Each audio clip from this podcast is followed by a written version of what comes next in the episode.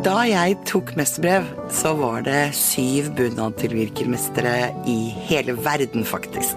Du skal bruke en mester fordi da det er det nærmeste du kommer en forsikring mot både svart arbeid og dårlig arbeid. Finn din mester blant 70 håndverksfag på mesterbrev.no. Da er du i trygge hender. Har du et enkeltpersonforetak eller en liten bedrift? Da er du sikkert lei av å høre meg snakke om hvor enkelt det er å levere skattemeldingen med fiken, så vi eh, gir oss her. Fordi vi liker enkelt. Fiken superenkelt regnskap. Kan kundene dine betale slik de ønsker? Med betalingsløsninger fra Svea øker du sannsynligheten for at kundene fullfører et kjøp, fordi de finner sitt foretrukne betalingsvalg. Svea vår jobb, din betalingsløsning. Enklere, raskere. Velkommen til Ukraina-podden. Det er 702 dager siden Russland eskalerte krigen, som starta i 2014 og gikk til et fullskala angrep eh, mot Ukraina den 24.2.2022. Jeg heter Tormod Noalen Sæther og er journalist og programleder, og med meg i dag så har jeg som vanlig min gode makker. Jørn Jørnsen Henriksen, Ukraina-spaltist i Nettavisen og leder av Norsk-ukrainsk venneforening. Og i dag så går vi rett til fronten. Eh, de siste månedene så har liksom vært eh, hovedbudskapet har vært stått stille. Og det er heller ikke i dag så det, er det noen store geografiske endringer å melde, men det dør mange hver eneste dag, og det er harde kamper. Ja. Det som skjer ved Avdivka, er at eh, britisk Defence Intelligence hevder, og det er også eh, det som er litt sånn eh, pratet på sosiale medier, at eh, de har eh, redusert angrepene sine på flankene rundt byen. For de har jo prøvd å omringe byen med angrep fra nord og sør. Og så har de satt inn et hovedstøt rett inn mot sentrum, eh, som vi snakka om i en tidligere episode òg. Og der har Russland en del fremgang, men til stor kostnad for både dem og ukrainerne. Eh, så det, det minner mer om Bakhmut. og eh, Erfaringa i krigen så langt er jo at altså, det her med med knipetangsmanøvrer i spredt terreng og, og, sånne type ting, er noe som russerne ikke er særlig gode på. De har veldig lite trente styrker. Eh, deres, eh, den, den, typen uh, krigføring de har hatt suksess med helt siden begynnelsen av 2023, er brutal gate-til-gate-kamp, der de kan bruke masse, masse mennesker, eh, men allikevel ha fremgang. Så nå har de switcha mer over til den taktikken de brukte da de over lang tid til stor kostnad tok Bakhmut. Ja, det var på Ukraine the Latest i går, så hørte jeg at uh, Russland har samla 40 000 mann som står klare til å gå inn i Avdivka. Og det er jo disse menneskebølgene som mm. de klarte å ta Bakhmut med. og At de da sender eh, soldat på soldat inn døden, og så rykker du en halv meter fram per død soldat. Men sender du da mange tusen inn, så blir det noen meter til slutt. Ja, og um, hvis dere hørte på gårsdagens episode der vi hadde eh, Olena Halushka på besøk fra eh, The International Center for Ukrainian Victory, så har jo de vært eh, her i byen i to dager. De var tre stykk. Og en av de som eh, var med, var en eh, ei som har jobba som mediv eh, medivac på fronten, som heter Tata. Og hun fortalte en historie fra Bakhmut som jeg syns var ja, den er brutal, men den er illustrerende for hvordan det sannsynligvis er i Avdivka nå. For um, de russiske styrkene som har gått fram inn i sentrum i Avdivka, de er sårbare for motangrep. Så det er ikke usannsynlig at ukrainerne kommer til å gå til motangrep eh, da. Men det hun fortalte fra et av de ukrainske motangrepene i Bakhmut, der de hadde hatt en offensiv på tre-fire dager og skulle ta tilbake en, en, del av Bakhmut, var at hun var på et sånn eh, en av de første postene bak fronten for å ta imot soldater, der jobben er å holde soldatene i live, stabilisere dem før de blir sendt videre. Og Hun sa at de, i løpet av de tre-fire dagene så kom det 800 soldater gjennom hennes post. De hadde bare tre dødsfall eh, som er ganske ekstreme tall, og hun sa at de var nesten døde allerede når de kom fram. Så eh, når de hadde stått på og jobba døgnet rundt i tre-fire dager, så var de ganske fornøyd med seg sjøl, eh, med at de hadde hatt bare tre dødsfall av 800 og var veldig fornøyd med de tallene. Men da ble hun opplyst om det antallet som ikke hadde nådd fram til hennes post, som hadde dødd før hennes post, som var et betydelig større antall. Så det viser også, vi, vi snakka om i forrige episode, at vi ikke vet noe om, om dødstallene til ukrainerne, for at vi får ikke makrotallene. Men i den type krigføringen som foregår i Avdivka akkurat nå, så er det veldig mange drepte på begge sider. Eh, sannsynligvis langt flere på russisk side fordi at de angriper, men allikevel, siden russerne har flere folk, ikke bryr seg om tapte menneskeliv, så kan det også potensielt slite ut ukrainerne eh, med de tapene de blir påført også. Ja, og da legger du også på at uh, Russland også har mye bedre tilgang på ammunisjon. Mm. Så ja, gjør det, det situasjonen enda mer kritisk for uh, ukrainerne. Og vi har fått flere spørsmål om Kherson, hva som skjer der. Der har jo ukrainske styrker, styrker kryssa Dnipro til uh, venstre banke, altså det vil si østsiden. Mm. Og Russland de angriper støtt og stadig for å prøve å ta tilbake, og, men i de rapportene jeg leser fra det ukrainske forsvaret, så har de ikke noe suksess med det. Så det er også en, en måte stillestående her, da. Det er harde kamper, men lite, som, altså lite bevegelse uh, med frontlinje. Det står ganske i ro. Ja, men det er ingen tvil om at det det marineinfanteriet som holder den, uh, holder den uh, enklaven på, på sørsida av elva, har også betydelig tap. både med, det, med, de angrepene de blir utsatt for, men også for at de har 100% av forsyninga deres foregår med små båter over elva, som er sårbare. Og det dukker opp russiske dronebilder der de treffer de her båtene med, med dronegranater. Så, så det er klart at Ukraina har jeg har tap der også. Men det du nevner med, med ammunisjonssituasjonen, er jo veldig kritisk. Eh, og det var Vi hadde eh, 15 pluss møter eh, her i, i, Oslo med ulike aktører, eh, med de tre, de tre som, som, var her nå de to siste dagene. Og det er ganske dramatisk det de forteller, eh, og at vi i ja, alliansen som støtter Ukraina, ikke vært forberedt på at den amerikanske støtta kunne kollapse så raskt som den har gjort. Så der har vi en situasjon med at eh, Ukraina er i ferd med å få F-16 som er en veldig avansert eh, våpenplattform som kan gjøre en stor forskjell i krigen. Men det hjelper ikke så mye å få F-16 hvis soldatene på bakken ikke har ammunisjon til rifla si, og ikke har til artilleriet og ikke har til bombekastere. Da har du et veldig massivt problem likevel. Og det er noe med når vi skal analysere denne krigen en gang i fremtida, så tror jeg et stort eh, En av de store feilene som Vesten har gjort, er at vi har ikke klart eh, litt fordi at vi ikke har klart det, og litt med vilje fordi at vi har vært redd for den eskaleringa, og gi dem det de trenger samtidig. Altså De hadde en Hele 2023 skulle være en ukrainsk offensiv der de mangla luftmakt. Nå får de luftmakt, men mangler ammunisjon. Altså vi, Hvis de skal kunne lykkes, så må de kunne få alle de her tingene samtidig. Ja, For lite for seint, på en måte? Ja. For lite for seint og for spredt ja. og for lite koordinert. og ja, den store, den store S-en. Vi mangler en strategi. Vi mangler et mål om at Ukraina skal vinne, og en plan for hvordan de skal gjøre det. Ja. Og um, på tidligere uke her, om det var på torsdag, var det vel, så var det et russisk transportfly, et IL-76, som ble skutt ned over Belgorod. Mm. Og det har jo ført til full forvirring og rasende russere. Uh, for Russland hevder at dette transportflyet det frakta noen og 70 ukrainske krigsfanger som skulle utveksles med Ukraina, mm. mens Ukraina først hevda at det frakta S-300 luftvernsraketter. Mm. Og Hva er liksom siste nytt derfra, da? Nei, det vet vi ikke, og det er jo masse påstander. Og det her er jo en veldig sånn informasjonskrigmessig interessant sak. For um, det første, en av de første ryktene jeg fikk med meg, var at de hevda at det her var et fly som eh, gjorde en rotasjon av iranske rådgivere. Ja, Dronerådgivere, ja. blant annet.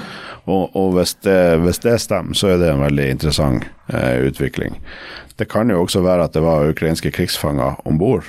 Eh, men det er en veldig spesiell situasjon, da, for at som en del av de her forhandlingene og fangeutvekslingen, så bruker de å opplyse Ukraina om hvordan eh, de frakta krigsfangene til det der eh, byttet skal foregå. Ja, for ukrainsk eh, side har også bekrefta at det var planlagt en Ja. fangeutveksling den dagen, som ikke ble gjennomført. Ikke sant.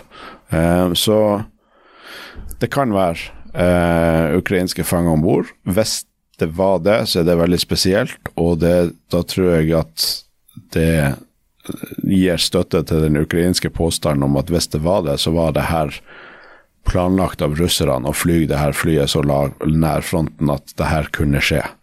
Og eh, hvis noen tenker at uh, russerne eh, ikke er villige til å ofre sitt eget uh, flycrew for noe sånt, så, um, så har du ikke gjort deg kjent med hvordan russerne fungerer. Altså de, de bomba sine egne boligblokker i Moskva for å legitimere uh, den andre Tsjetsjenia-krigen. Em, men, men det er mye rart med det her, for også fordi at flyet hadde letta fra Belgorod og på vei vekk. Og det gir heller ingen mening for hvor de skulle fly de her krigsfangene da. Det har vært mer sannsynlig at de ble flydd til Belgorod og skulle ha fraktes eh, landeveien derifra. Så, så, så det er mye som skurrer med denne eh, historien.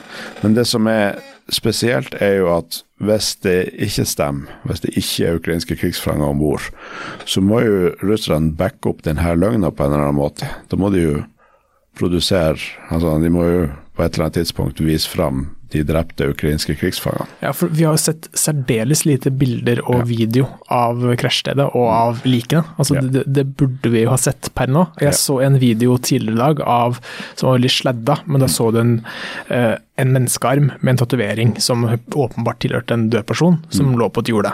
Ja. Men uh, det var én arm av da potensielt noen og ja, Jeg husker ikke lenger om det var noen 60 eller noen og 70. Ja, det har vært forskjellige tall. Noen 65, noen 70 og noen og sånn.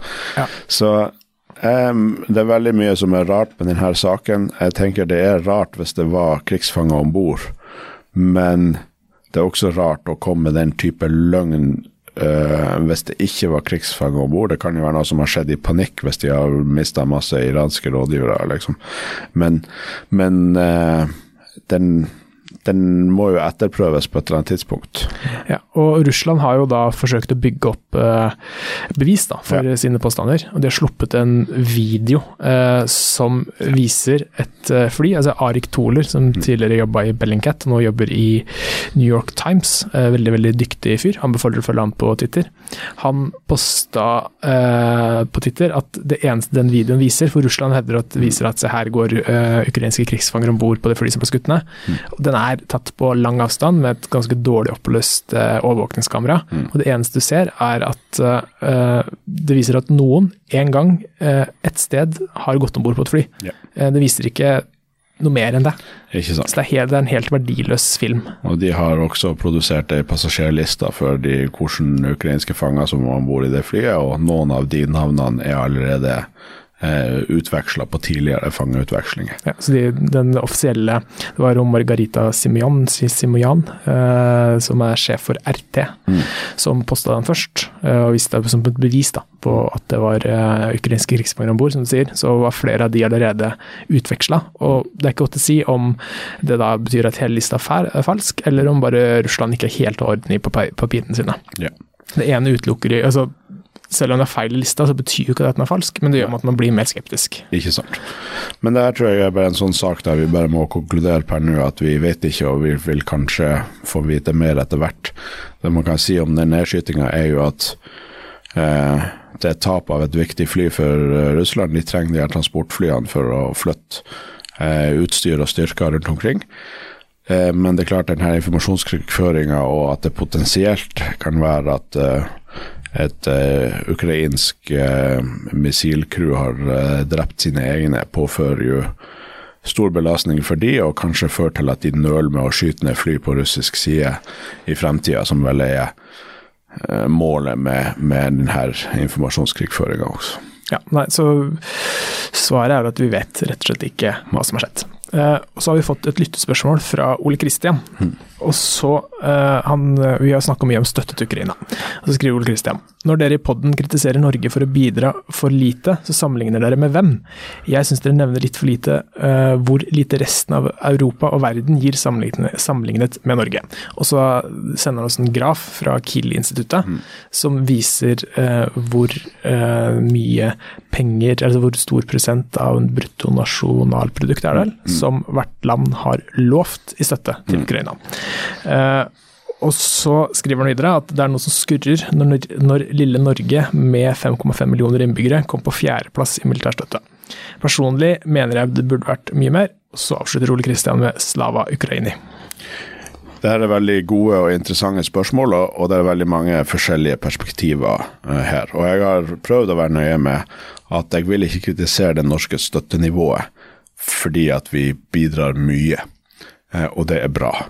Eh, men noe jeg særlig har støtta, har vært tempoet på en del av den militære støtten. For at vi er nå på et punkt der det er ikke så veldig mye mer militært vi kan bidra med, men særlig den artilleriproduksjonen har gått for tregt. Eh, og der er det mer tempo enn nivå. Men så er det flere elementer av det her. Og når vi når jeg liksom sier at vi kan gjøre mer, så er ikke det nødvendigvis sammenligna med andre land, men sammenligna med hva Ukraina trenger. For at det nivået vi har kommet fram til, det er, det er en vurdering av hva er, et, hva er et bra støttenivå fra Norge. Det er ikke forankra i hva er et nødvendig støttenivå for Ukraina. Og Nansen-pakken og det nivået ble jo satt i en helt annen virkelighet enn det vi har nå, fordi at den amerikanske støtta eh, faller bort. Eh, og det er ingenting som tyder på at det skal komme en løsning der eh, fremover. Og så som man sier, vi kommer bra ut på Kiel-instituttet, og der er det to ting med det. Det ene er at det er veldig mange som gjør altfor lite. Vi har en del land i sør-vest-Europa som er veldig langt fra Ukraina og langt fra grensen til Russland, som ikke har samme motivasjon eh, for å gi, og det, det kan være naturlig. Og så har vi det elementet med at Norge har tjent mer på denne krigen enn omtrent noen andre land i Europa gjennom eh, økte inntekter fra økte energipriser. Vi har hatt et voldsomt, eh, eller voldsom merinntekt pga. økte energipriser. Og i starten av altså rett etter fullskalainvasjonen så skrev vel Erik Stefansen her i Nettavisen en kommentar om at Norge burde opprette et uh, Ukraina-fond, hvor en deler av det, disse merinntektene ble gitt uh, direkte til Ukraina. Mm. Og også den polske eks-statsministeren, han uh, måtte tapte valget, mm. han kalte jo Norge krigsprofitører, og de gikk vel ut og beklaga det litt i etterkant sant? Men, ja. men, det viser at det legges også merke til der ute i verden at Norge har eh, stilt seg, eller havna i hvert fall, i en veldig god posisjon. Ja, og jeg vil ikke kalle Norge for krigsprofitører selv om det er et poeng som ikke er helt uten validitet. Og så må vi også legge til at vi var ikke spesielt fattige da før vi fikk denne ekstrainntekten. Så er det det med Kiel-instituttet. Nå har jeg ikke sett akkurat på den lenken som han eh, Ole Kristian har sendt til oss, men en av problemene med Kiel-instituttet, eller i noen av grafene til Kiel-instituttet, er at Norge får lagt inn alt vi har lova fremover i fem år. Mens vi blir sammenligna med en del land som ikke har sagt noe om hva de skal gjøre i fremtida. Sånn at den totale fremtidige støtten til Norge havner på grafen sammen med land som bare får en graf om hva de har gitt til nå. Så det er ikke helt Det, det er litt sånn sammenligning av eple og pære. Men alt det her Altså, jeg, jeg syns de her grafene er nyttige for å motivere og shame andre land til å gi mer. Men det som også har vært interessant i de samtalene som jeg har eh, fått lov til å ha vært med på de to siste dagene, eh, og skal ikke si hvem som har sagt hva, men diskusjonen i her i, i det politiske Norge er i ferd med å endre seg. Jeg syns i hvert fall det er veldig interessant at at man skifter perspektiv på hva denne støtten til Ukraina er for noe. For at 75 milliarder er enormt mye i bistand. Men hvis man Det mer reelle perspektivet, og det er en debatt som vi hører mer nå i Nato, i Europa og i andre land, er at det er vel så mye en investering i vår egen sikkerhet. Fordi at vi har gått fra en situasjon der at våre land havna i krig har vært helt umulig, til å bare være usannsynlig. Altså, det er litt sånn som under den kalde krigen, der man faktisk hadde forsvarsinvesteringer basert på at vi skulle prøve å avskrekke at det skal bli krig. Og med usikkerhet om uh, USAs deltakelse i Nato i framtida og sånn, så ser verden annerledes ut. Det er en helt reell problemstilling at vi må planlegge ut ifra at Norge og andre land i Europa kan havne i krig de neste 10-20 årene. Og en ukrainsk seier vil sterkt redusere faren for en sånn krig. Så i det perspektivet, i et bistandsperspektiv, er 75 milliarder masse. I et, eh, en investering i å hindre at landet vårt havna i krig, så er 75 milliarder lite. Da er kanskje til og med 200 milliarder lite, eller kanskje 500 milliarder en akseptabel sum. Men dette er jo ikke noe Norge kan gjøre alene. Vi, Europa må finne en måte å erstatte den amerikanske støtten, og da må vi alle sammen eskalere mer. Hvis man ser det sånn, hvis man i en, en tankeøvelse vurderer hva vil være den pengemessige verdien av å hindre angrepet på Norge 9.4.1940.